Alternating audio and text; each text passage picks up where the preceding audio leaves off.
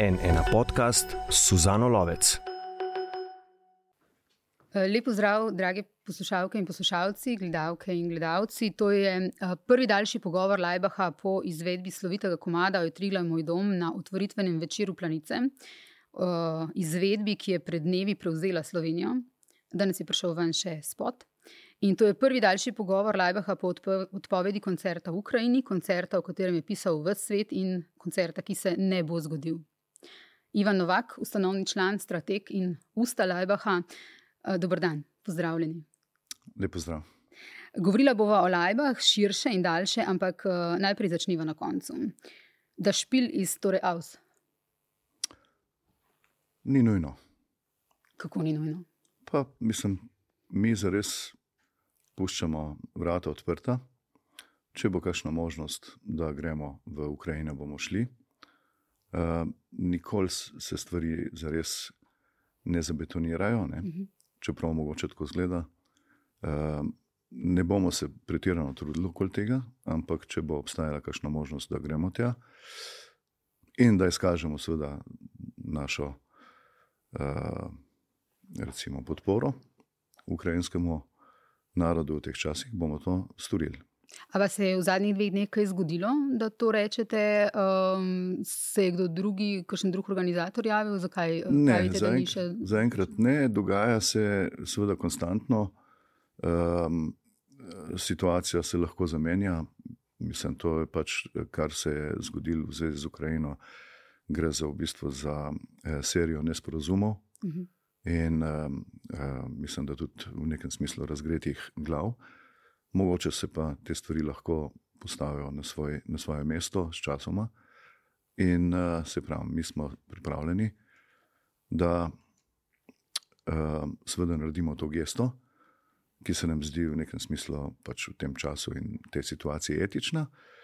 Uh, ne bomo pa se silili. Mhm. Ampak kakšnih nesporazumov? Zdaj, uh, Vi ste rekli, da obžalujete, da tega koncerta ne bo, a da se ne nameravate odpovedati ruski kulturi, umetnosti, tistemu, kar je dobrega. Eh, organizator pa je pojasnjeval, da od tega, tega od vas ni zahteval. Eh, zato pravite, da gre za nesporazume. Ampak kakšne nesporazume? No, mislim, eh, ne bi sicer rad govoril čez organizatorja, ne, ampak mhm. mislim, da je bil mogoče malo nedorasel situaciji. Mi smo se z njim pogovarjali tri mesece, predno smo se odločili, da gremo z novico o koncertu v javnost. E, prosili smo ga, da preveri situacijo v zvezi z nami in nasploh situacijo, če je ta koncert možno izpeljati.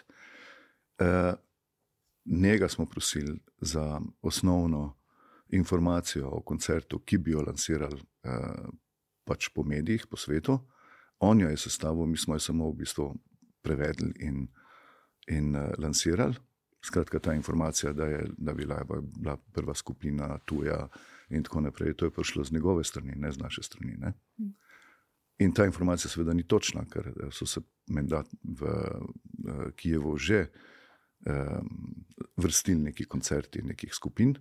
Jaz jih ne poznam, ampak se ni bistveno. Mislim, tudi mi ne bi šli tja zato, da bi bili prvi. E, ni bil to naš namen.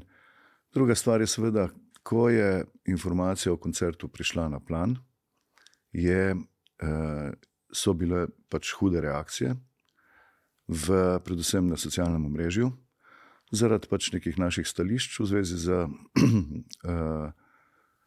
možnih razlogih uh, za to vojno. Seveda, glavni razlog je seveda agresija Rusije, ki je ukorakala na uh, ukrajinski teritorij in tako naprej. Ampak obstajajo seveda tudi neki zgodovinski, eh, geostrateški razlogi, ki pa so, bi, so tudi zanimivi za razmislek. Ne? In eh, mi smo o teh stvarih govorili, eh, na kar je seveda na socialnem omrežju završalo, da nismo iskreni v svojih. Eh, V svojih stališčih, da ne podpiramo zares Ukrajine, da smo proruski, kar seveda absolutno ni res. In je organizator od nas zahteval dodatno izjavo, kjer se brezkompromisno postavljamo na, na, pač na ukrajinsko stran, kar smo tudi storili. Spet smo njega prosili za tekst, ki, bi, ga, ki bi bil primeren. In to je tudi uh, storil, je pač nam je dal določen tekst in je tudi rekel, lahko ga seveda tudi po svoje oblikujete, mu kaj dodate. In to smo storili. Mi smo rekli, čeprav pač imamo radi, oziroma uh, cenimo rusko umetnost in umetnike kot je vem, Dostojevski, Čajkovski in tako naprej, uh, smo v primeru te vojne popolnoma in absolutno na strani Ukrajine. In uh, to je bil spet, seveda, problem, ker so, razumem, razumemo, Ukrajinci so v teh časih uh, neracionalni ne? In pač sovražijo vse, kar je rusko. In to je tudi organizator v nekem smislu izpostavil, da smo uh, storili napako, ker smo to omenjali in da pač uh, smo sami krivi, uh, ker so reakcije bile takšne, kakršne so bile, hude, če zdaj hujše, če dalje bolj agresivne, in je pač zaradi uh, varnosti uh, se odločil, da koncerta ne bo. Mhm. Ampak um, v resnici je vtis, da je verjetno uh, to, kar je sprožilo v Ukrajini te burne polemike uh, ne, in to. Če mu on pravi, organizator, nerazumevanje Lajbaha za razlogov za vojno, uh, so verjetno izjave, med drugim recimo za Guardian Lajbaha, uh, o tem, da naj bi, šlo, uh, naj bi ta konflikt cinična proksi vojna za geostrateške interese supersil in finančnega kapitala. Kar se včasih, ko, ko v bistvu je država napadena, ko se branijo, verjetno res um, slišati. Zelo napačno. Pač zdi se, kot da um, ta izjava, ne, če je na tak način umeščena, uh, kratko, kot nek soundbite, verjetno res izpade, um, kot da nekdo um, odgovornost iz agresora, mu, mu jemlje odgovornost, no, del odgovornosti. Se strinjam, mogoče to z naše strani ni bilo najbolj pač taktično, ne? Mhm. ampak mm. imamo pa seveda pravico do svojega mnenja. Mm. In uh, v, tudi v Ukrajini, ne glede na situacijo, kak, kakršni so, ne morejo pričakovati, da bomo pač vsi uh, govorili enako, isto, skratka, da pristajamo na nek Gleichschaltung. Ne, mi pač uh, lahko imamo tudi napačno mnenje, ne, ne glede na to, da pač eh, seveda podpiramo uh, pravično borbo Ukrajine v tej vojni. Uh, lahko se motimo, ampak to ne bi smel biti razlog, seveda, da mi ne bi smeli v bistvu v nekem smislu, recimo v, v kontekstu umetnosti, izkazati to neko našo podporo ki je bila uh, pač poštena, uh, odkrito srčna in uh, res je pač, uh, izhajala iz tega, da smo na nek način uh, želeli pokazati našo solidarnost do uh, Ukrajincev. Ne? Ukrajinci so nas večkrat vabili mhm. na, v, v Ukrajino, tudi večkrat smo igrali pred vojno tam. Uh, delno poznamo situacijo, poznamo tudi delno njihov karakter. Eh, smo spremljali, kaj se dogaja v Ukrajini. Ne? Naš pomislek je pa samo to, samo ta, da stvar ni tako nedolžna, tudi v nekem širšem kontekstu.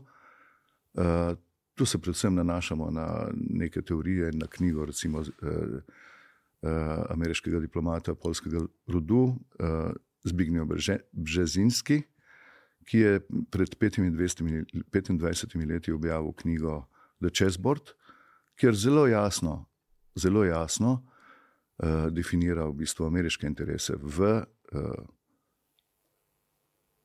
pač Ukrajini. V... Um.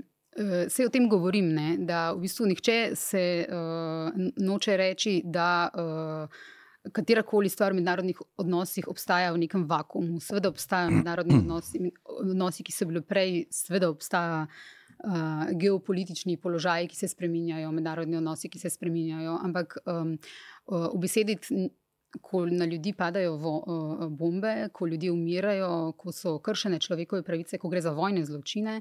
Uh, nekaj takega, kot je geopolitika v nekem soundbiteu, se pravi, uh, je logično, da ljudje verjetno so zrevoltirani ali pa da nekateri pač ne želijo, da pridete. Se strinjate? To se strinjam, ampak ne glede na to, uh, Ne glede na to, da seveda Ukrajina ta trenutek eh, želi vso možno podporo Zahoda, Amerike, NATO in tako naprej, ne sme eh, pač iti v, v te svoje zahteve naivno, mora biti vsaj pripravljena, da pa mogoče v zadnji ni čist, čist iskrena uh, igra. Mislim, Brežinski je diplomat, ki je zakuhal, dobesedno zakuhal.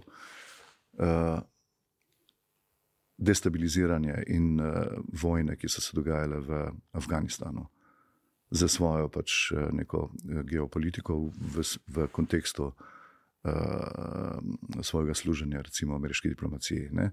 To ni skrivnost, to, to, s tem se je tudi sam uh, pohvalil večkrat in uh, nikoli ni pokazal kakšnega obžal, obžalovanja. Skratka, on ve, kaj govori.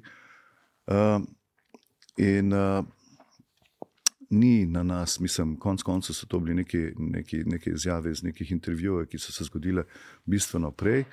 In to je pač naše mnenje. Mhm. Uh, kar se tega tiče, mi vseeno podpiramo Ukrajino, maksimalno. To razumem, ste večkrat povedali, tudi ja. v tem pismu napisali. Um, a v tem javnem pismu, ki, sta, ki so ga v javnost dali uh, bivši predsednik Milan Kučan in Danilo Tirk, Ivan Novak, ki je podpisan, ste vi? Lahko bi bil jaz, mogoče sem, ne vem. Ivan Novak je tako univerzalno ime v Sloveniji, da mogoče tudi kdo drug. No, ampak uh, ste? Ni to podpis Lajbaha. Aha, ni podpis. Če me to sprašujete. Aha. Ker uh, dikcija v bistvu je bila zelo, o tej posredniški vojni je bila zelo uh, podobna in tudi to pismo je naletelo v Sloveniji, tudi na kar nekaj kritik v smislu, da se. Um, Da skuša uh, vzroke uh, za vojno relativizirati in odgovornost uh, Rusije, Putina, relativizirati, kar bi bilo pač uh, napačno sporočilo. No, eden od argumentov je bil, da pač pismo ni bilo naslovljeno na Putina, ne, ki je tisti, ki naj bi bil uh, v bistvu glavni krivec v tej. Ki je glavni krivec. Ja, ki je glavni krivec v tej uh, zgodbi. Bilo je naslovljeno tudi na njega, mislim, da je bil celo prvi na, na, uh, v samem naslovu izpisan. Uh, je pa seveda res, da v kontekstu tega, da je ta vojna uh, mogoče širša od uh, kot izgleda, ne, da, da je to stvar, ki je, o kateri treba tudi širše. V širšem kontekstu reševati uh, Eh, pač zgodbo. Mhm. Slej ali prej se bo, se bo, slej prej se bo, se bo preselila uh, kompletna zadeva za pogajalske mize. Slej ali prej, je samo vprašanje časa, kdaj. Mhm. Predvsem se uh, to pismo nanaša na uh, Evropo in uh, njih poziva, v bistvu, zaustavite vojno v Ukrajini, zato je naletelo tudi na take kritike. Um, ne vem, če, samo, če se nanaša samo na Evropo nanaša se na vse eh, odločujoče faktore v tem spopadu. Ste tako razumeli? Ja. Mhm. Okay, uh, skratka, če bo prišlo do tega koncerta, kot pravite, ne izključujete možnosti, uh, bo to še vedno humanitaren koncert, takšen je bil namreč vaš načrt, uh, da bi sodelovali humanitarno, vi bi sodelovali brezplačno, uh, bi, bi šlo potem. Za tak koncert, tudi v tem primeru. Takšen je bil naš namen. Mi uh mhm. -huh. smo sicer slišali, da je organizator eh, postavil cene eh, stopnicam na, mislim, da celo 20 evrov, nekaj v tem smislu, kar je precej drago za Ukrajino. Ne glede na to, da smo ga opozorili, da mi honorarja od teh, tega koncerta nočemo, mm. oziroma naj gre honorar v humanitarne, humanitarne uh, namene. Uh, mislim, da je 20 evrov za Ukrajino ta moment precej visoko. Ne? Skratka, kaj naj rečem. Ampak v vsakem primeru naša osnovna intenca je bila, seveda, da se honorarje odpovemo in da po možnosti pomagamo, recimo, uh, živalim, ki so tudi žrtve te vojne. Mm. In še enkrat, uh, pod, uh, Ukrajince, ki so napadeni, podpirate, to ste dan že večkrat rekli. Ne? Absolutno jih ja. podpiramo, absolutno brezrezervno uh, jih podpiramo, ne glede na seveda ozadja, mm -hmm. uh, možno ozadja in različne geostrateške interese, absolutno imajo, ima eh, seveda Ukrajina kot suverena država vso pravico, da se brani po vseh mednarodnih eh, podpisanih pogodbah in tako naprej. Um, v pesmi oziroma himni Rusija z albuma Folk iz leta 2006. Um, Lajbahov album je to, je med drugim tudi vers um, Rise, Prisoners of Starvation. Uh, Kaj pa v tem trenutku povedali ste, kaj želite Ukrajincem, da jim želite vse dobro, da jih brezrezervno podpirate? Kaj pa želite ruskemu narodu? Tukaj je tudi treba verjetno ločevati med državo, uh, voditeljem te države in ljudmi. Kaj želite uh, ruskemu narodu? Že takrat ste govorili, arise, prisoners of starvation. Uh, mnogi od njih so dejansko ujetniki lastne države, mnogi so proti vojni. Ja, precej jih je. Uh, tudi po zaporih jih je precej, ne? in mislim, da je mogoče situacija v neki civilni sferi, recimo uh, saj mogoče tej uh, malo bolj razmišljujoči sferi v, v Rusiji uh, ta moment mogoče precej težja kot v Ukrajini. Ne. V Ukrajini saj pač lahko iskreno izražajo svoje stališča ne, in, so, in se lahko borijo za, za svojo državo, kar je logično. Medtem ko v Rusiji to ni možno, ni možno biti. Ta moment je menda situacija res huda ne, in je življenje tam v, v veliki meri bistveno težje. Je vaša želja torej še vedno kot leta 2006, recimo, če jo prevedem v besede, uh, naj ustanejo, rise? Um, seveda, mislim pač. Uh, To je šlo sicer v, za nek projekt, ki je iz leta 2006, to so, to so predelave nacionalnih himn, ki so v nekem smislu uh, največje pop skladbe v posameznih seveda, kontekstih in državah, in tako naprej. In, uh, in uh, predvsem smo zbrali države tistih, uh, himne tistih držav, ki so imperialne, imperialistične po, po neki definiciji, in Rusija seveda med njimi.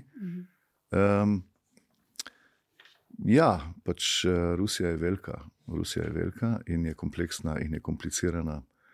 In, uh, in uh, mislim, da se lahko v Rusiji še marsikaj zgodi. Uh, mnogi so se ob teh dogodkih, glede uh, koncerta, ki ga zdaj ne bo ali pa bo v Ukrajini, spomnili na Sarajevo leta 1995, ko ste v okupiranem Sarajevu uh, novembra uh, dvakrat koncentrirali. Uh, 20. in 21. novembra 1995 ste Noe Sloveniše Kunst tam razglasili NSK državo Sarajevo. Nekaj sto potnih listov ste takrat izdali Sarajevčanom. Kako se spominjate tistega obiska in tistih koncertov v Sarajevu? Ja, mislim, seveda, to je bilo eh, mogoče celo precej podobna situacija kot ta v Ukrajini, s tem, da, seveda, da je Ukrajina bistveno večja od Bosne. Ampak eh, potovanje v samo, v samo Sarajevo je bilo blazno zanimivo. Mi smo takrat šli z nekim konvojem, sami nikakor ne bi mogli, ampak z konvojem Umproforja, v spremstvu Umproforja, eh, čez hrvaški teritorij, takoj po uh, Oluji, kjer je um, cel tisti predel Hrvaške, okoli Knina in tam na okolje, seveda, to je, to je vse gorelo. To je bila res pač eh, vojna situacija. Ne. Um, hiše so gorele, in pri, prišli smo v Mostar, ki je bil popolnoma razrušen, popolnoma razrušen, uh, strašno razrušen. In uh, bilo je seveda en kupenih uh, barikad in uh, um, para državnih menih kontrol, uh, skozi pač, skoz katere smo morali iti. Uh, s tem, da nikoli nismo vedeli točno, da nas bojo spustili ali nas ne bojo spustili. Šli smo preko zime, preko Igmana, kjer je bilo en kupenih uh, razbitin uh, avtomobilskih. In, uh, in skratka, nekako smo prispeli v Sarajevo, ki je bil tudi, seveda, precej porušen in priluknjen. Uh, in uh, ne glede na to, je bilo življenje v nekem smislu v Sarajevu pač legendarno sproščeno. Ne. Ne, sam, ne v samem mestu, ampak v druženju z ljudmi. V glavnem smo se družili po, po nekih uh, večjih kleteh in, uh, in tako naprej. Ampak naš koncert se je zgodil v uh, Srpskem narodnem pozorišču, ki je bil ena redkih ohranjenih stavb v centru mesta. Uh, zgodil se je uh, na veliko, pač v dve, v, v, v, dvakrat smo igrali prvi koncert se zgodil še v, v vojni, kjer nihče od uh, Sarajevčanov ni verjel v to, da bo vojna konc, skratka, da bo to primirje trajalo. Uh, drugi koncert se je zgodil, pa mislim, da eno uro ali pol ure po podpisu Daytonskega sporozuma, ne, ki je in, je in je v nekem smislu uh, prinesel res neko srčno euforijo v mesto, čeprav so imeli rezerve, da tudi to ne bo obstalo, ampak so se pa veselili nad samim koncertom, ki je bil. Ta dva koncerta sta bila dva največja javna dogodka v Sarajevu med vojno. Uh, mi smo takrat tudi vprašali organizatorje, ali je problem, mhm. če igramo uh, Marš na Drini, mhm. skladbo.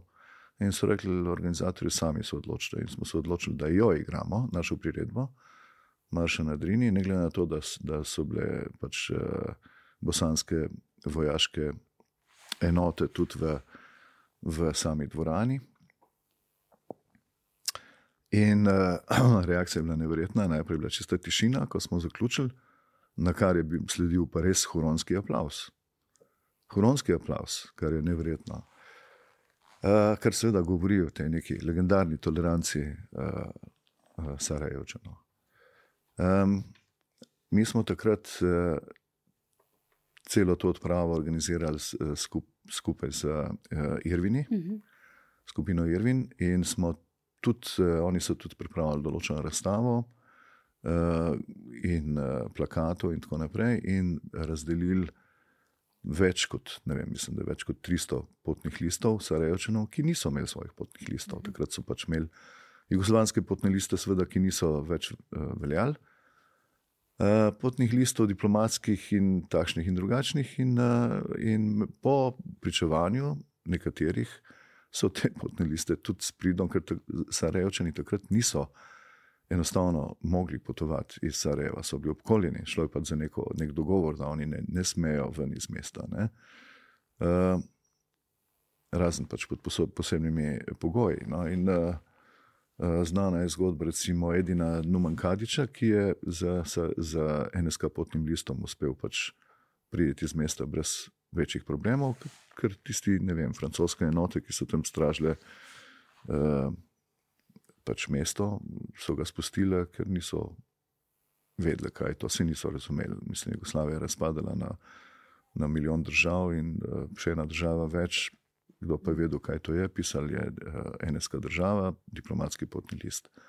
In takih primerov je menda bilo tudi več, tudi sam sem to izkusil z svojim vlastnim potnim, NSK potnim listom, da sem v bistvu uspel uh, potovati preko določenih držav in dobil tudi uh, štempelj. Njihove uradne uh mhm. -huh. štemple. Uh -huh. uh, v, takrat no, ob tem obisku Sarajeva je bil legendaren tudi ta govor uh, Petra Mlakara, ne, ker on mm. v bistvu uh, Sarajevčanom obljublja, da zmagali boste, ne spomnim se točno besed, zmagali boste in konča uh, s temi besedami, ne, ki vsi vemo, kaj pomenijo, to vam ja garan, garantujem. Ne. Um, ja, ne vem sicer, če je bilo to res v Sarajevu, mislim, da je bilo to v Beogradu. Uh -huh. uh, Ta izjava, lahko pa, da smo jo tudi v Sarajevu ponovili. Ampak ja, Petr Mlaker je imel uh, govor, uh, ki je govoril, seveda, jaz mislim, da je klasično, seveda, pri njemu je najprej govor o Bogu in tako naprej. Na zaključku pa mislim, da je z uh, pozivom k odpuščanju, uh, kar je bilo v tistih časih kar uh, radikalno. -hmm. O, o teh pričevanjih, eh, eh, kako so eh, ljudje z NSK potnim listom potem prehajali ven iz obkoljenega Sarajeva, to, to v bistvu o tem pričajo tudi dokumentarci. Ne? Koliko pa je zdaj držav, državljanov NSK države? Mogoče veste, pred leti so državljani organizirali hmm. kongres, kako aktivni so zdaj? So aktivni? Um, mi, Lajbah, priznam, da smo se. Uh, da se ne ukvarjamo več toliko z, z državo. To smo v bistvu prepustili uh, Irvinom, ki imajo tu, tu večje interese. In uh, ne glede na to, da smo pač uh, skup, skup, skupaj formirali uh, temelje za državo, menda je državljanov, pač, ne vem, po nekih podatkih, definitivno več kot 15 tisoč, skratka, ponavljam, več kot v državi Vatikan. Um, Naša osnovna ideja je že takrat bila, da se naj državljani sami organizirajo, um, da se mi ne bomo mešali v to, in se tudi organizirajo. Oni sami pripravljajo razne kongrese in tako naprej. Kaj tam počnejo, ne vem čistočno, mm. niti nočem vedeti. Um, ker je v samem štartu, seveda, šlo za neko uh, idejo, um, utopično, eni pravijo, anarhično. In zdaj teh držav je kar nekaj po svetu, različnih mhm. držav, ne, zelo podobnih, ki so se tudi inspirirale pri, pri NSK-ju, pri NSK državi. Um, tako da pač to je nek zanimiv fenomen. Uh, nismo, uh, NSK ni edina država, je pa seveda v, v tistem kontekstu razpada uh, Sovjetske zveze, Jugoslavije, in vem, češko-slovaške, in tako naprej, nekih evropskih čvrstih pravil, odigrala neko svojo vlogo, mhm.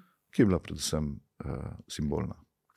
Ko smo se dogovorili za ta podcast, je bilo to po vašem nastopu za svetovno prvenstvo v Planici, po tej euforiji in poenotenju slovencev, kot ga redko vidimo po tem nastopu. Ne? Po tem nastopu v Krajinski gori so vam namreč proskali vsi, levi, desni, eh, bili ste ponos in heroji slovenstva, ehm, k temu še prideva zdaj. Eh, in evo, dobro teden kasneje pa lahko rečem, da vam. Zaradi te zadeve z Ukrajino, malo kdo v Sloveniji ploska. Kaj vse se zgodi v enem tednu? Ja, uh, življenje je pač polno presenečenj. Eh, ampak ta naš nastop v Planici je bil, seveda, tudi v nekem smislu že skoraj preveč kičast in smo, in smo morali nekaj narediti, da smo to mal eh, postavili spet na svoje mesto, eh, ker bi bilo težko živeti z, z tem, da, nas, da nam vsi ploskajo. Najbah je pač takšen, da eh, težko prenaša eh, samo aplauze. Um, Ampak vas je presenetilo, eh, kar je nenavadno pri. Uh... Ni nas presenetilo. Ne. Mislim, mi, smo, mi se zavedamo pač eh, tega. Mi tudi znamo, če, če želimo, ne, in tudi se trudimo v to smer, da, seveda, da smo združitelji -huh. v osnovi. Ne. Ampak ne za ceno uh, kleče plazenja oziroma česar koli takšnega, zanikanja nekih naših osnovnih idej. Uh, Ampak mi ne pristajamo na, ne, ne, ne, ne pristajamo na delitve, in, leve in desne. Mislim, to se zdaj mogoče zveni precej naivno. Ampak horijansko. Pa horijansko, če hočete, ampak res verjamemo, da, je, da, je seveda, da, da so potrebne obe dve mhm. uh, roke pri uh, gradnji stavbe. -huh. Mhm. in nadstavbe. Uh -huh. Vodja in uh, režiser te prireditve, Miha Krušič, je rekel, da so želeli proslavo kontrasta, kar Slovenija tudi je. Torej, bili ste vi, Lajbahi, tukaj in vsi, ki so sodelovali pri tej pesmi, Oj, Trigla, moj dom, pa DJ Umek, ansambl Saša Avsenika. Kakšne kontraste vidi v Sloveniji Lajbah? Pa ni samo Slovenija polna kontrastov. To je normalno za vsako državo. Jaz mislim, da je normalna država, mora biti, seveda, polna kontrastov, mora biti polna nasproti, To je logično, to je pač stvar. To je eh, klasična dialektična uh, uh, uh, proces, teza, antiteza, sinteza in tako naprej. In, in to ni nič nenavadnega za Slovenijo. Slovenci niso nič posebni v tem. Uh, oprosti. Ja. Uh, Že v redu. Uh, Lajbah, Silenci, Severa Džurin, uh, Tomi Megliči, Sidarte in v tej pesmi Oj, Trigla, moj dom.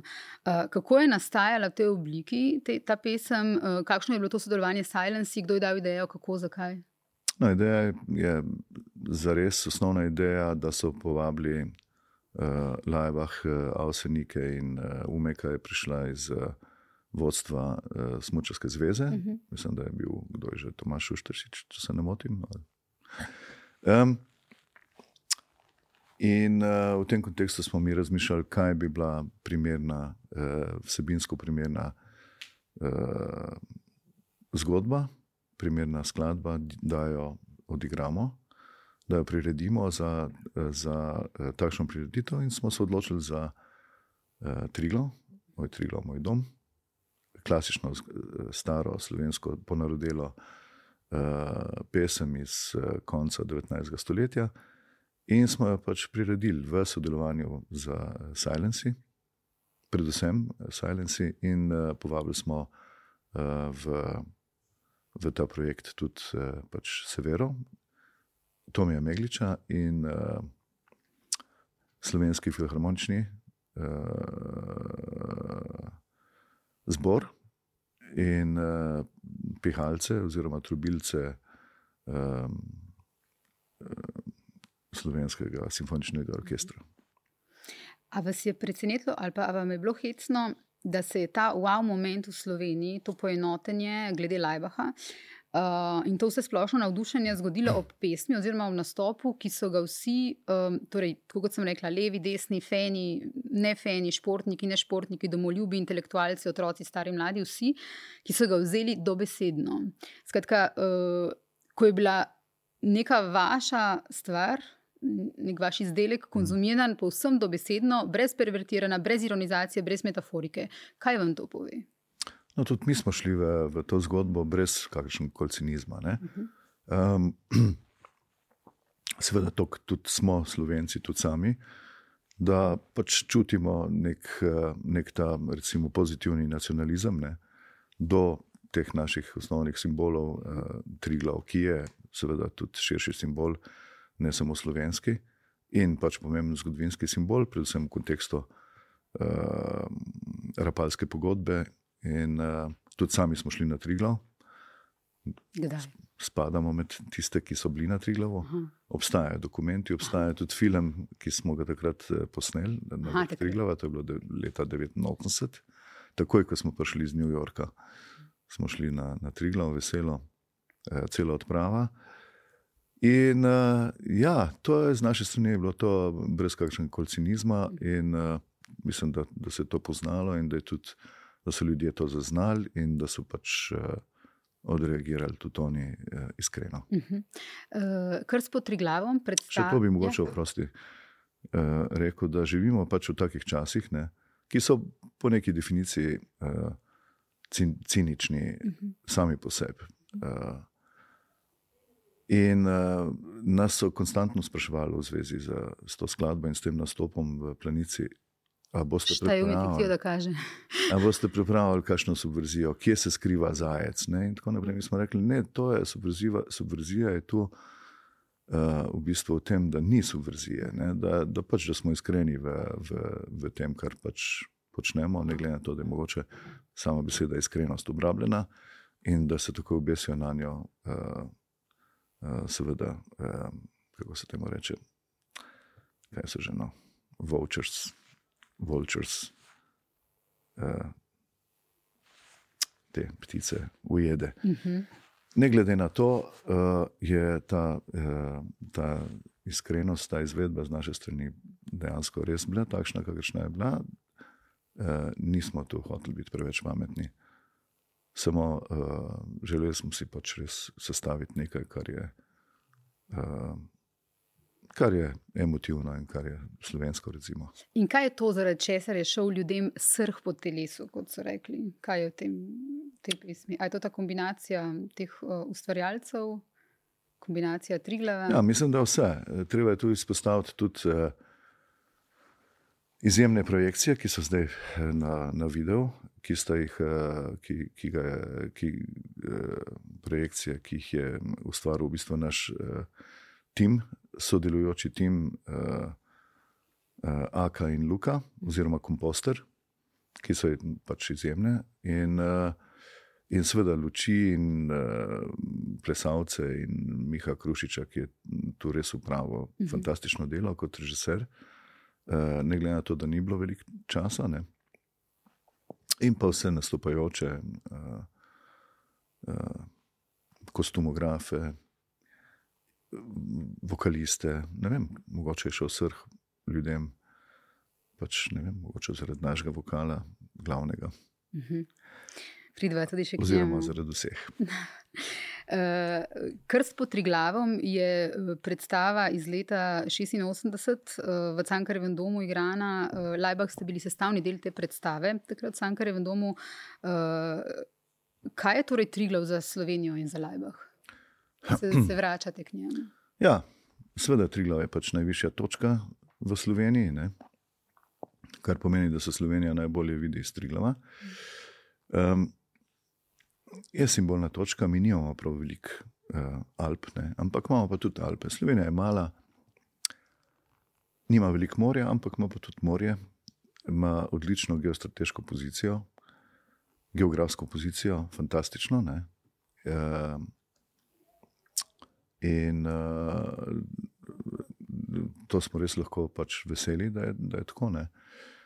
Triglav je zanimiv. Mislim, še enkrat ponavljam to, da je bil recimo v, po prvi svetovni vojni, ne, po Rapalski pogodbi, je bila meja praktično dva metra od Aljažovega stolpa. In vedno, ko se zgodi kakšen pomemben politični premik v zgodovini Slovencev, vedno se ponovadi grejo ljudje najprej na Triglav in tam postavijo zastavo, zapičijo zastavo. Ne. Uh, tudi mi smo že oblekli, kot sem rekel, uh, v, smo bili na Triglavu in smo oblekli enkrat ali že v stolp v svojo zastavo. Um, Ampak več... Triglavom še kakšen plan? Več je referenc. Uh, ne vem, uh, Triglav je, najdete ga tudi, zdaj bom naredil malo reklame. Mm. Najdete ga tudi na, uh, mi smo 1. januarja izdali uh, novo ploščo, ki je sicer mogoče zveni drugač, drugače kot uh, pesem Trigla Moj dom, bolje in, in eksperimentalna, industrijska, z njo se vračamo v, v svoje rdeče revirje. Tudi naslov plošče je uh, skice iz rdečih revirjev. In uh, v nekem smislu ta plošča razlaga uh, neke osnovne razloge, zakaj, uh, zakaj je Lajbah pač nastal v Trbovljah in kako da ima takšno estetiko, oziroma kako da je imel takšno estetiko v začetku 80-ih let. Uh, in tudi tam je referenca na Triglov. Namreč zelo pomemben del zgodovine Trbovlj je uh, upor proti Orjuni, Orjuna, organizacija jugoslovanskih nacionalistov. V Trbovljah je datum, ko se je zgodil, zgodila bitka v, v Trbovljah med uh, Orjuno in uh, takrat uh, rodarji, komunisti. Orjuna je, prišla, Orjuna je bila precej antikomunistična tudi. In je prišlo, čeprav so bili rojalisti, oni so bili uh, za uh, Jugoslavijo, oni so bili antifašistično usmerjeni, Orjuna je bila anti, to je zanimivo antifašistično usmerjena in je tudi uh, v bistvu v nekem smislu uh, inicirala ustanovitev Tigra, ne? prve praktično organizirane antifašistične uh, gibanja v Evropi. Ne? Skratka, Rjuna je en, en precej hecen moment, precej hecen. Težko je razumeti točno, kakšna je bila njihova intenca. Bili so realisti, bili so me, svojo bazo so imeli v Splitu, uh, kar je zanimivo, menda so večinsko bili tudi eh, Hrvati po nacionalnosti, ampak eh, tudi Slovenci in Srbi in tako naprej.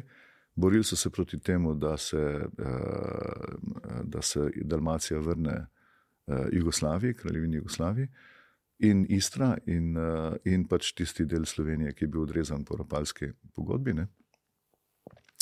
No, ne glede na to, oni so bili antikomunisti in so prišli v Trbovle razvijati svoj prapor, in je prišlo do bitke takrat med trbovskimi rodarji in komunisti in, in Orjuno. Uh, zakaj se je to zgodilo, zakaj je prišlo do te bitke, zares ni čist jasno.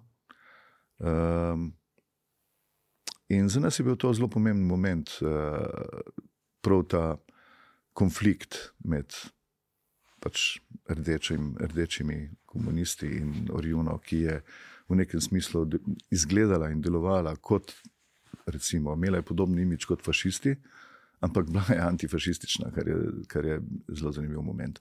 Orjuna je tudi znane so slike, fotografije Orjune na Triglavu. In če pogledate tiste dve, mislim, da obstajajo neke dve fotografije. Zanimivo je, Orjuna je na Triglavu sedi pred uh, Aljaževim stolpom v svojih pač uniformah, z orožjem, dva metra stran od italijanske meje. Na ležavem stolpu se vidi napis eh, Marineti, ki ga ni Orjuna seveda napisala, ampak grafit Marineti. Uh -huh. To je en tak zanimiv moment uh, za, uh, iz zgodovine umetnosti, oziroma zgodovine Lajbaha, oziroma zgodovine začetka stoletja. Uh, za nas je pa Orjuna takrat bila iskreno priznam, tudi precej inspirativna. Uh, takrat smo rekli, to je pravi rock and roll. Ampak verjetno ne v smislu idej ali? Pa, se pravi, te ideje, kar se tiče Orjune, niso bile jasno definirane. Mislim, mi smo jih doživljali seveda kot eh, konstantno negativne.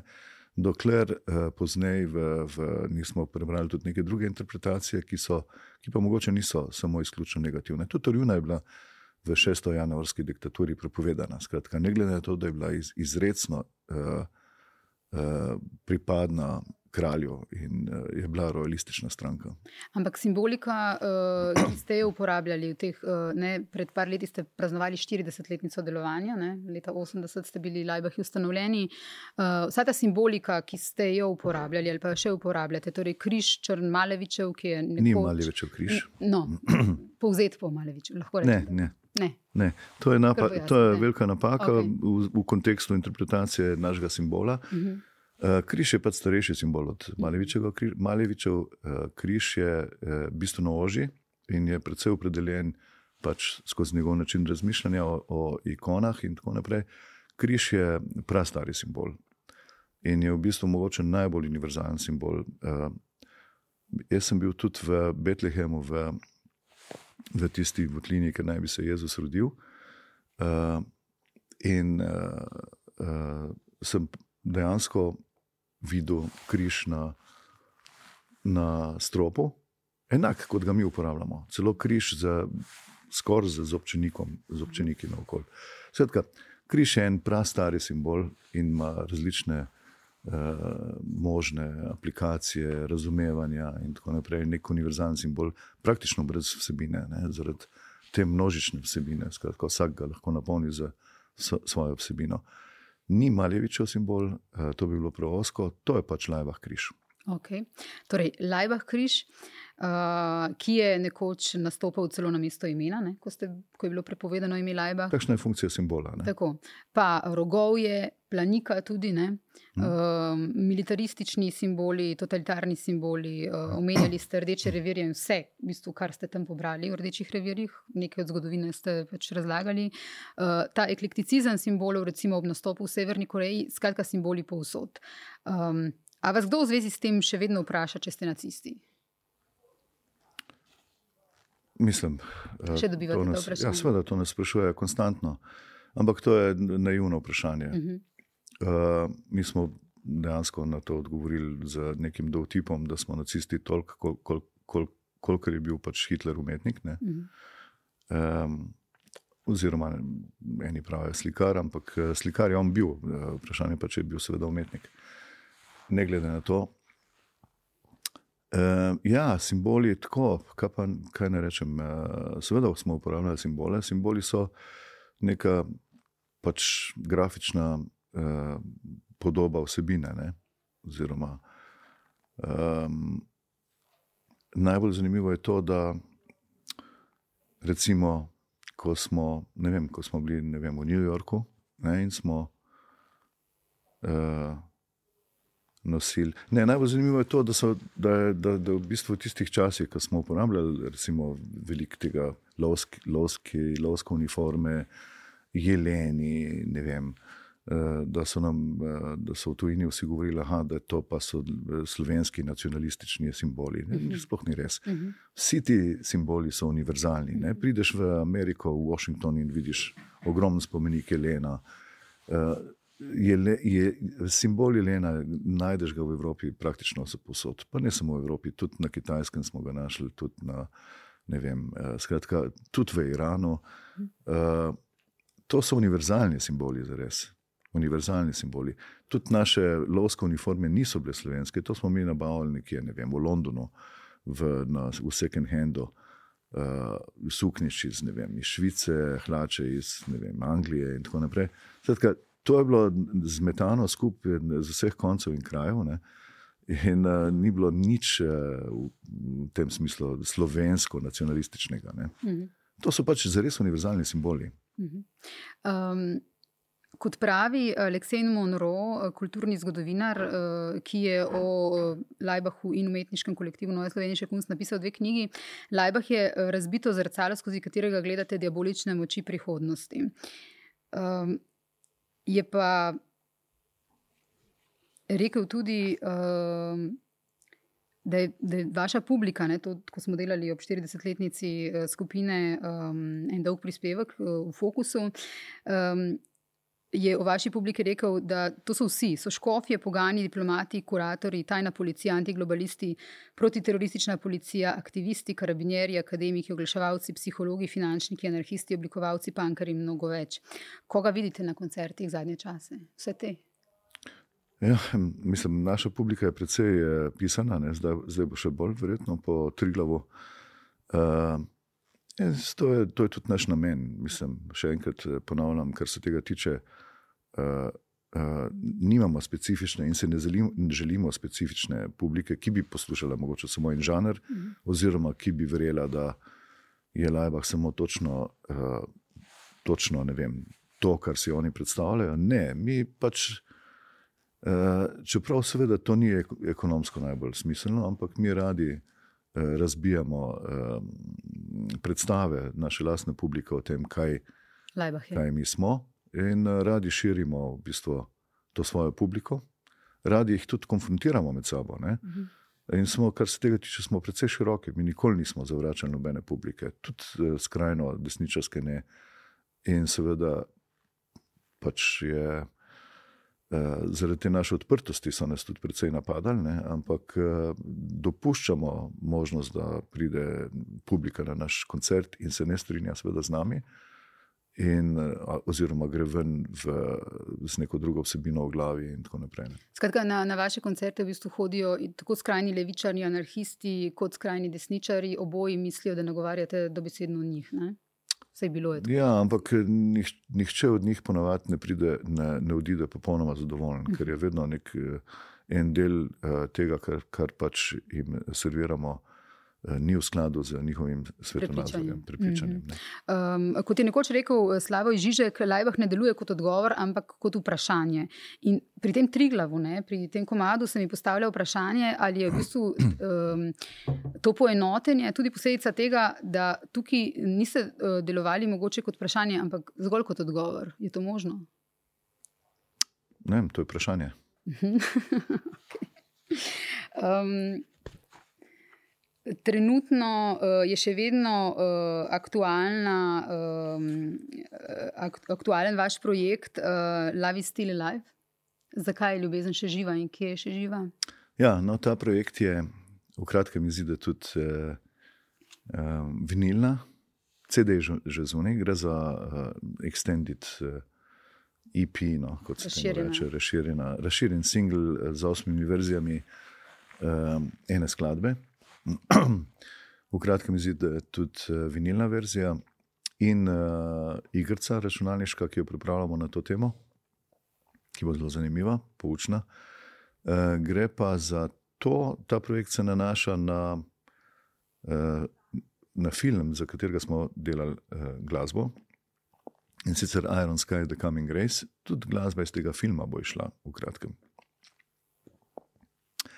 Film govori o koncu sveta, govorijo o kataklizmi, eh, nuklearni, o pač ukinitvi življenja na Zemlji in ukinitvi eh, življenja na Luni, ki se je tudi eh, v tem nuklearnem. Medplanetarni vojni, ki se je zgodila, oziroma ne medplanetarni, ampak pač vesoljski vojni, uh mhm. -huh. ki je raztrešila tudi Luno, kjer so živeli zadnji ostanki človeške civilizacije oziroma ljudi, ki so prisiljeni, seveda, s tem razpadom uh, Zemlje in Lune, uh, se ukrcati na vesoljsko ladjo in uh, iti v uh, iskat nov planet, ki bi ga eventualno lahko naselili in ga potem, seveda, posledično tudi verjetno uničili. Uh, in to je Mars, njihov, njihov cilj je Mars, in v tej naši zgodbi Love is Still Alive, ki je sama skladba, je del filma, tudi zaključni del filma. Uh, v tej zgodbi pač ta preostanek ljudi potuje po uh, našem sončju uh, in uh, poskuša, uh, seveda, priti do Marsa, kjer bi lahko nadaljevali to življenje. Uh, zakaj? Zato, ker je, ja, seveda, pač ljubezen je še vedno živa ne? in dokler bo ljubezen, ljubezen živa, ljubezen, ki je največja sila v vesolju. Ne? To je naša stara tema. Mi smo že dolgo časa nazaj, že v 80-ih letih, uh, napisali skladbo uh, Ljubezen je največja sila. Ne? In zdaj pač eh, smo izdelali to skladbo. Ljubezen je še vedno živa. Ljubezen je najbolj, uh, um, najmočnejša sila v vesolju in uh, v pozitivnem in v negativnem smislu. In, uh, in ravno zdaj snemamo novo skladbo, ki se pa reče uh, Motor preživetja, ki tudi govori o ljubezni. Uh mhm. -huh. The engine of survival. Uh, skratka, to je to, kar se tiče Love Still Life. Iščejo nov planet, recimo, da ga bodo kolonizirali, recimo, da jim bo uspelo vzpostaviti neko civilizacijo oziroma življenje, če ga bojo seveda dosegli. Uh, in verjetno ga bojo pač posledično tudi uničili. Ker je pač ljubezen tista sila, ki ustvarja in ruši. Še vedno je živ tudi projekt Alamut, izvorno simfonično delo skupine Lajbah. Glasbo za Alamuta je napisal član skupine Luka Jamnik v sodelovanju z irans, dvema iranskima skladateljema, sodeloval pa je tudi iranski pisatelj in novinar Ameri. Kako drugačna je vrednost Alamuta, ko je v glasbi, oziroma zakaj ste želeli prav to delo videti v glasbi? uh, več razlogov je za to. Uh, eno je pač ta naš uh, firbec, kako se to reče po slovensko, zvedavost, radovednost in pa naš avanturizem. Uh, pa nam je v osnovi, priznam, bolj zanimivo nastopati v državah kot je Severna Koreja in Iran, kot pa v recimo Severni Ameriki oziroma v Zahodnji Evropi. Eh, seveda oboje je potrebno, eh, ampak eh, bolj nas zanima, kako je možno postaviti, kako se je možno ubesediti, oziroma v, v nekih kontekstih, ki niso delani po, recimo, po nekih praktičnih uh, modusih. Ne. Zanimala nas je situacija v Iranu, glede na to, da je Iran uh, konstantno označen tako negativno, kot je, zato smo tudi obiskali Iran večkrat. In smo se odločili, da v tem kontekstu uh, poskušamo uh, poiskati uh, skupino ljudi, pač ustvarjalcev v, v Teheranu, v Iranu, uh, s katerimi bi lahko mogoče ustvarili skupno delo. In sicer logično je, da najbolj logično skupno delo bi, bi bila pač zgodba o Alamutu, ki ga je napisal Vladimir Bartol, slovenski pisatelj. E, napisal ga je tudi kot v e, nekem smislu kot svojo, svoj komentar oziroma svojo reakcijo na takrat vzhajajoči fašizem v Evropi, ne, v Italiji, predvsem. In je tudi hotel cinično posvetiti uh, svojo prvo izdajo Alamuta Mussoliniju. Mm. In uh, v Iranu, Alamut, oziroma glavna oseba v, v tej zgodbi, eh, ta samooklicani prerok in filozof Hasan ibn Saba, ki je predvsem makiavelistična oseba, je uh, seveda ni.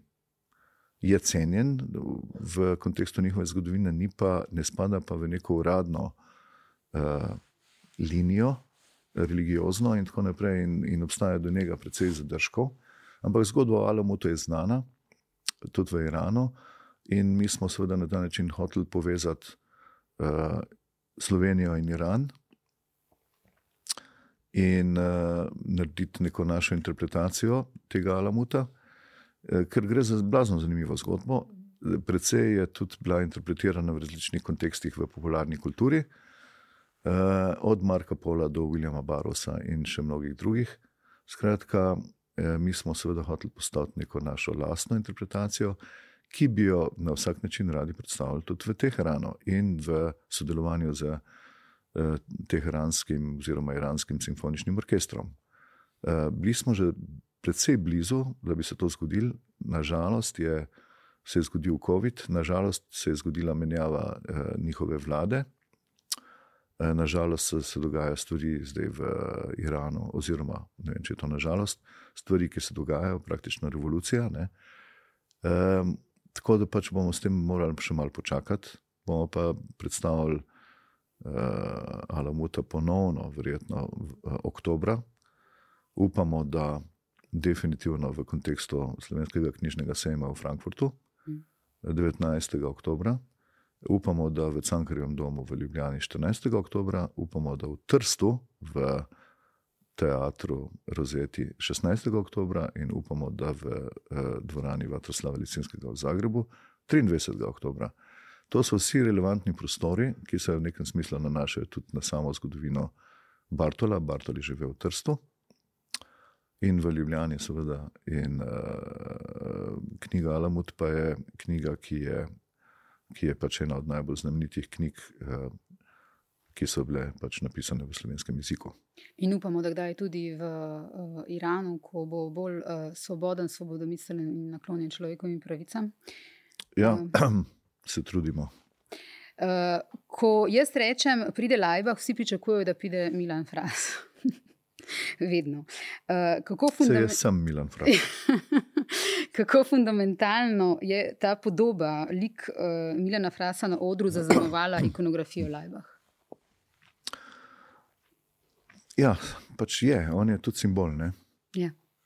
Fundamentalen simbol. Ja, vsi smo v bistvu simboli v nekem smislu.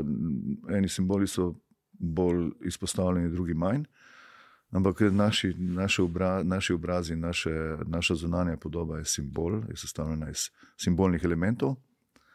Um, in uh, ja, pač neki simboli so enostavno bolj dizajnirani kot drugi. Ne? bolj uočljivi in tako naprej.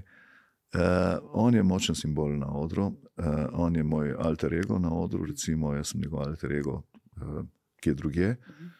On je predstavnik, v bistvu je glas skupine, v tem smislu je seveda predstavnik skupine.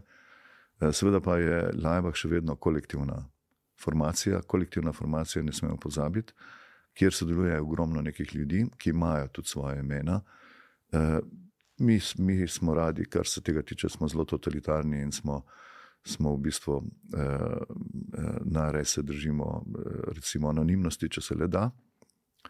Eh, zato smo tudi že v samem začetku eh, izjavili, da pač je Lajbah kolektivno anonimno telo, eh, stroj, ki vključuje pač različne elemente, ki so seveda. Ki skupaj sestavljajo to mašino, ne, uh, Eh, takrat smo tudi izbrali štiri pseudonime, Eber, Saliger, Dahover in Keller, ki so nekakšni režimski umetniki iz zgodovine Naci Kunsta. Um, skratka, uh, ki nimajo nekih pretenzij, da ustvarjajo neko veliko umetnost, um, ki služijo narodu, dobesedno, ne, služijo režimu, konc koncev, ne glede na to, kakšen režim je na oblasti.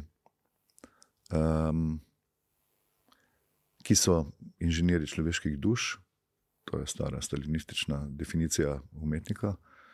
Skratka, seveda pa ti ljudje so zelo pomembni uh, in teh je kar precej. Mi imamo uh, ogromno sodelavcev in radi širimo svoje, te svoje sodelavce. Uh mhm. -huh. Tisti, ki seveda želijo nastopati s svojim imenom, lahko. Uh -huh. um, če se vrnemo za trenutek v ta Kijev, ki ga zdaj ne bo, ali pa mogoče upajmo bo. Želeli ste, ste rekli, vrniti Eurovizijo tja, kamor sodi, torej Ukrajino. Uh, na Hrvaškem, kjer letos na Eurovizijo pošiljajo sloviti bend Let 3. Uh, je v jutranjem listu Aleksandr Dragaš komentiral, da je preden ste napovedali nastop v Kijevu, ravno želel predlagati, naj Slovenci naslednje leto pošljemo na Eurovizijo Lajbah. Bi šli, če bi vas prosili, ali pa če bi vas izbrali tako kot letos Joker Out? Verjetno ne. Uh -huh. uh, mislim, da smo prerasli uh, to Eurovizijo. Pač, bi pa z veseljem, uh, še enkrat ponavljam, nastopali v uh, Euroviziji v Kijevu, v tej naši lastni predstavi Eurovizije. Mislim pa, da smo to. Uh, to klasično pač evropsko Eurovizijo presegli. Priznam, včasih smo razmišljali o tej opciji tudi sami. Smo. smo razmišljali o tej opciji tudi sami, Uh, zdaj pa me to ne zanima več. Okay. Kaj pa sicer mislite o letu 3 ali pa recimo o uh, lanski fenomenalni srpski konstrukti? Sem kar sama povedala, kaj mislim. Konstrukta. Ja, uh, mislim, tudi konec koncev Eurovizija. Seveda je to en velik uh, cirkusanski dogodek, ampak uh, zakaj ne? Tudi, tudi v kontekstu uh, takšnega dogodka lahko v bistvu premikaš neke določene meje in, in lahko v bistvu dodajaš neko, neko novo vsebino. Mislim, možnosti so, lahko seveda priješ te tudi za kvalitetno skladbo in to, kar je konstrukta. Uh, Je, kar je ponudila, kar je seveda naredila, je bilo izjemno. Ta skladba je, je zelo zanimiva. In polna simbolov. Polna simbolov, in mi se tudi poznamo z mm -hmm. konstruktom. Uh, mislim, da nam je tudi ona naklonjena.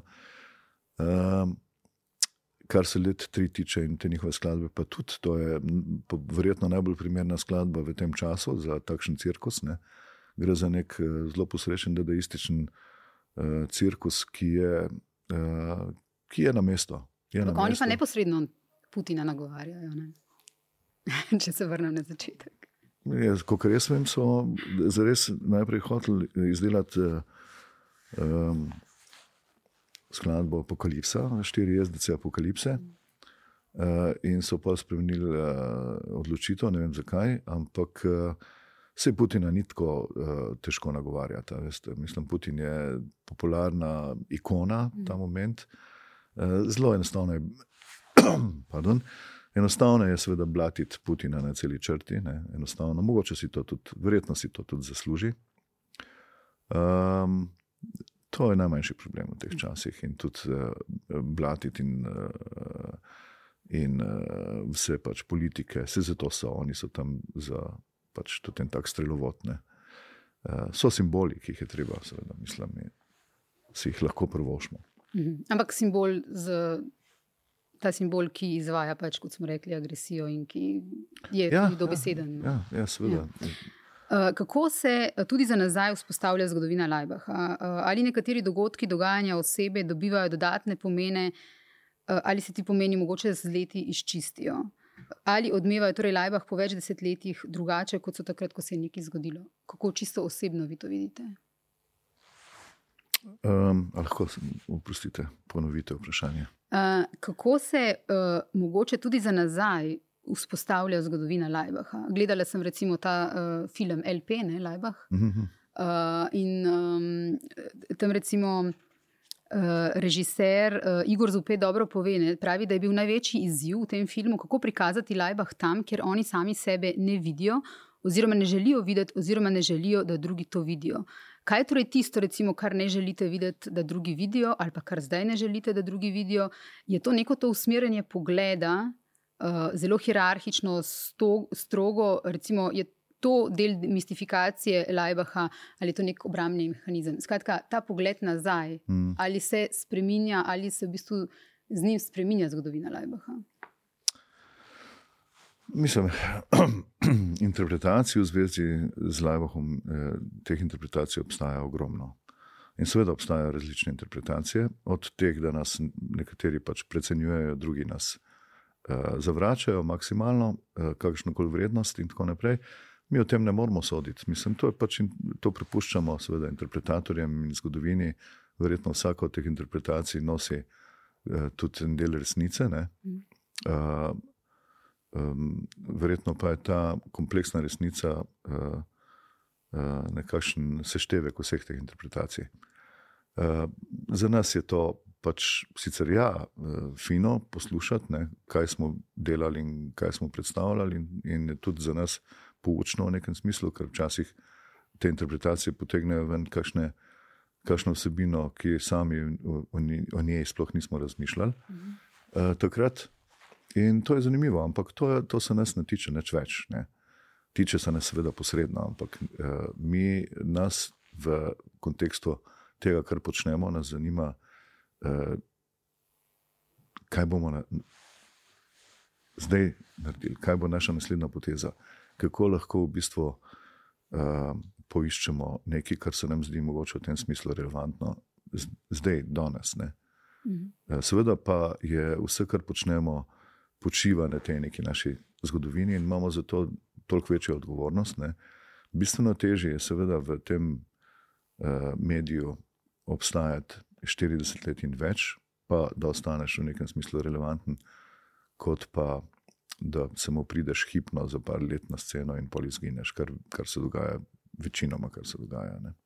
Uh, govorim tudi o tem obdobju 80-ih let, ko, ko je obstajala prepoved, ko ste bili mladi, ko ste bili ustanovljeni, mislim, da ste bili stari 21 eh, knez, mislim, da je bil star 19 let, v bistvu nekih teh sedanjih uh, gabaritih ste bili praktično še otroci. Ne? Zato sprašujem o tem pogledu nazaj, zato se vračam v 80-ta leta uh, in tudi, kot ste sami rekli. Je verjetno tudi ta začetek del te odgovornosti, ki jo čutite, ali pa bi jo mogli čutiti zdaj? Ne? Ja, mislim, pravim, da tudi mi sami se prej sprašujemo. Ne? Klasičen primer je ta pač. Uh, ta album, ki smo ga letos lansirali, uh, Sketches of the Red Districts, uh, skice iz rdečih revirjev, kjer preizprašujemo neke svoje, svoje uh, zgodovinske recimo, temelje in, uh, in, uh, in jih poskušamo razumeti. In jih dajemo ponovno v neko interpretacijo, oziroma v možnost interpretiranja. Uh, ja, to je pač te navlake zgodovinske, precej v zvezi z nami, ne ponavljam. In uh, uh, mi se seveda izogibamo temu, da bi se spuščali na uh, striktno ali pa izključno ali pa vem, na preveč emotivno uh, plat te zgodovine, ne? ker pač gre za neko, kot rečeno, gre za neko uh, kolektivno ekspresijo, ki je. Uh, ki je posrkala vse te ljudi, ki so jo ustvarjali, ne? in jih ne želimo izpostavljati ravno zaradi tega, ne? ker gre za kolektivno akcijo. Vsi smo sodelovali, Lajbah ima svojo, tudi uh, tragično zgodovino, uh, ki je uničila, oziroma tako ali pa drugače, seveda, posledično uh, kakšnega od naših uh, sodelavcev. Mi imamo velike, uh, te, recimo, tragične, personalne zgodovine, ampak tega o tem ne želimo izpostavljati, ker konec koncev gre za. Mislim, da večina skupin ima to, no. uh, veliko skupin ima to. Vse, če samo pogledate Beatle in uh, Rolling Stones in tako naprej. Ne. Mhm. Ampak zdaj ste govorili verjetno o samomoru um, Tomaža Hostnika. Samomor Tomaža Hostnika. Ni edini, tudi kakšni drugi naši sodelavci so bili v. Uh, so šli v, v ta ekstremne. In uh, veliko je norosti bilo vključene v, v to našo zgodovino, ampak to so intimne stvari, ki to ni naša. Uh, To ni tisto, kar želimo seveda, eh, projicirati v, eh, v tem našem delu. No. Um, vas pa verjetno je zaznamovalo kot kolektiv, ker ste kolektiv. Seveda nas je. Vse kolektiv je pač to. Eh, mislim, kolektiv je seveda zbir vseh teh uh, intimnih in, uh, in skupnih uh, lastnosti in tako naprej. Ne. Kakšna je bila torej evolucija Lajbaha, če lahko pogledamo na teh 40 plus let? Uh, je revolucija ali evolucija, in predvsem kako se je Lajbah spremenil, recimo, če pogledate zdaj na 40 let plus nazaj? Mislim, definitivno je evolucija, ampak. Uh, mi se dejansko res trudimo ne, in upamo, da, da imamo še toliko moči, da postavimo samega sebe pod vprašanje, uh mhm. -huh. konstantno. In pač to počnemo, to, to delamo, in še vedno smo. Uh, Delč od tega, da bi bil denar glavni razlog, da to počnemo, ne, absolutno ne. Še vedno imamo to kradoživosti, še vedno pač odkrivamo, še vedno smo raziskovalci, in uh, eksperimentiramo, in uh, v nekem smislu nas to vleče naprej. Ne. A je možno, ja? Je možno, kdaj ukinite v Lajbahu, je možno življenje po Lajbahu, po teh 40 plus letih? Pa bomo videli, ne. bomo videli, kaj bo čas. Pokazal.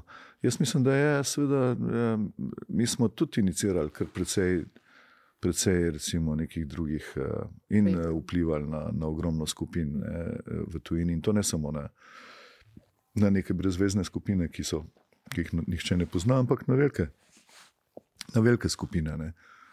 Uh, recimo Ramšten, ki, ki so pač največja skupina v Evropi, verjetno ta moment. Uh, pa tudi na kakšne druge v, v Ameriki, ki so, ki so odkrito priznavali, recimo Nine Inch Nails in tako naprej, odkrito priznavali, da so se v veliki meri inspirirali pri uh, Lajbahu. Uh, super. Oni so pač, mi smo mogoče delali na mest njih, ne? Oni so pa služili na mest nas. Če bi Lajbahu dali priširno nagrado, bi jo sprejeli? Uh, bomo videli, če bo do tega prišlo. Do tega prišlo, bomo pa razmišljali o tej stvari. Okay. Najlepša hvala za pogovor. Hvala, enako. Hvala tudi vsem eh, poslušalcem in poslušalkam, gledalcem in gledalkam. To je bil še en, en ena podcast in vidimo se in slišimo spet zelo kmalo.